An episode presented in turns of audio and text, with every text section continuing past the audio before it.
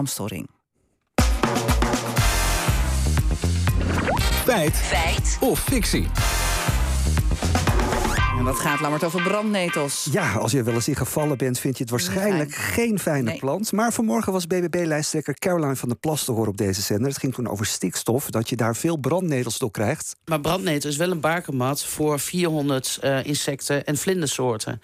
Um, dus het is niet een plantje wat helemaal niks doet voor de natuur. Een bakermat voor 400 soorten. Nou, wat, bakermat, wat is dat? Nou, daarvoor belden we met een hoogleraar, hoogleraar bodemfauna. We hebben ze in alle soorten en maten vandaag. Huisvestingssystemen, ja. bodemfauna. Mattie Berg van de Vrije Universiteit Amsterdam. En hij legt de ecologische betekenissen vanuit. Exostaande bakermatsoorten die dan geheel of gedeeltelijk afhankelijk zijn uh, van hun voorkomen van brandnetel. En hij voegt eraan toe dat er in dat geval ook geen alternatieven voor zijn. Oké, okay, kan alleen maar naar de brandnetel. En sommige vlinders die zijn er dus afhankelijk van. En, en waarom is dat? Volgens Marco Roos van Naturalis kan dat te maken hebben met de brandharen. Ik denk dat de bescherming van de brandnetel ook bescherming uh, voor de rupsen biedt als het de vogels zijn die ze willen eten, die zullen misschien toch de brandnetel wat minder makkelijk uh, benaderen. Oké, Van der Plas die zegt ook dat het uh, nou niet een plantje is dat niks doet voor de natuur, hè, die, die 400 soorten. Maar waar zijn ze dan nog meer goed voor? Nou, ze nemen stikstof op uit de bodem. Volgens BBB een goede reden om meer brandnetels dus te laten groeien.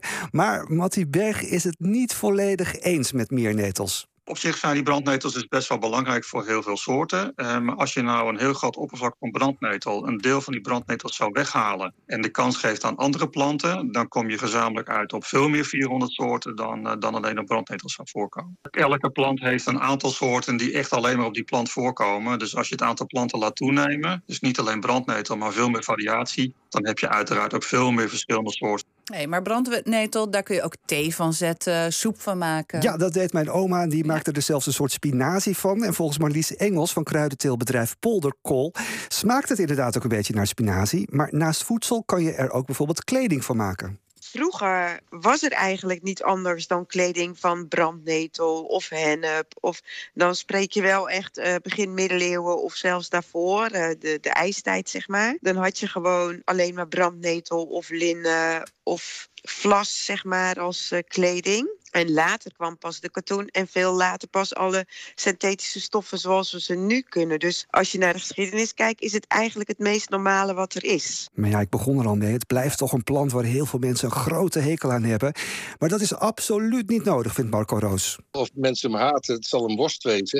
Ik bedoel, het brandnetel bestaat, overleeft en heeft zijn ecologische niche. En hij is een onderdeel van een successiereeks in uh, hele voedselrijke omstandigheden. En uiteindelijk zal dat tot een, uh, een nogal voedselrijk bos gaan groeien, ontwikkelen in de vegetatieontwikkeling. Uh, gaan wij terug naar de uitspraak van Caroline van der Plas. Brandnetel is de bakermat voor 400 insecten en vlindersoorten. We vroegen het nog even aan hoogleraar bodemfauna Mattie Berg.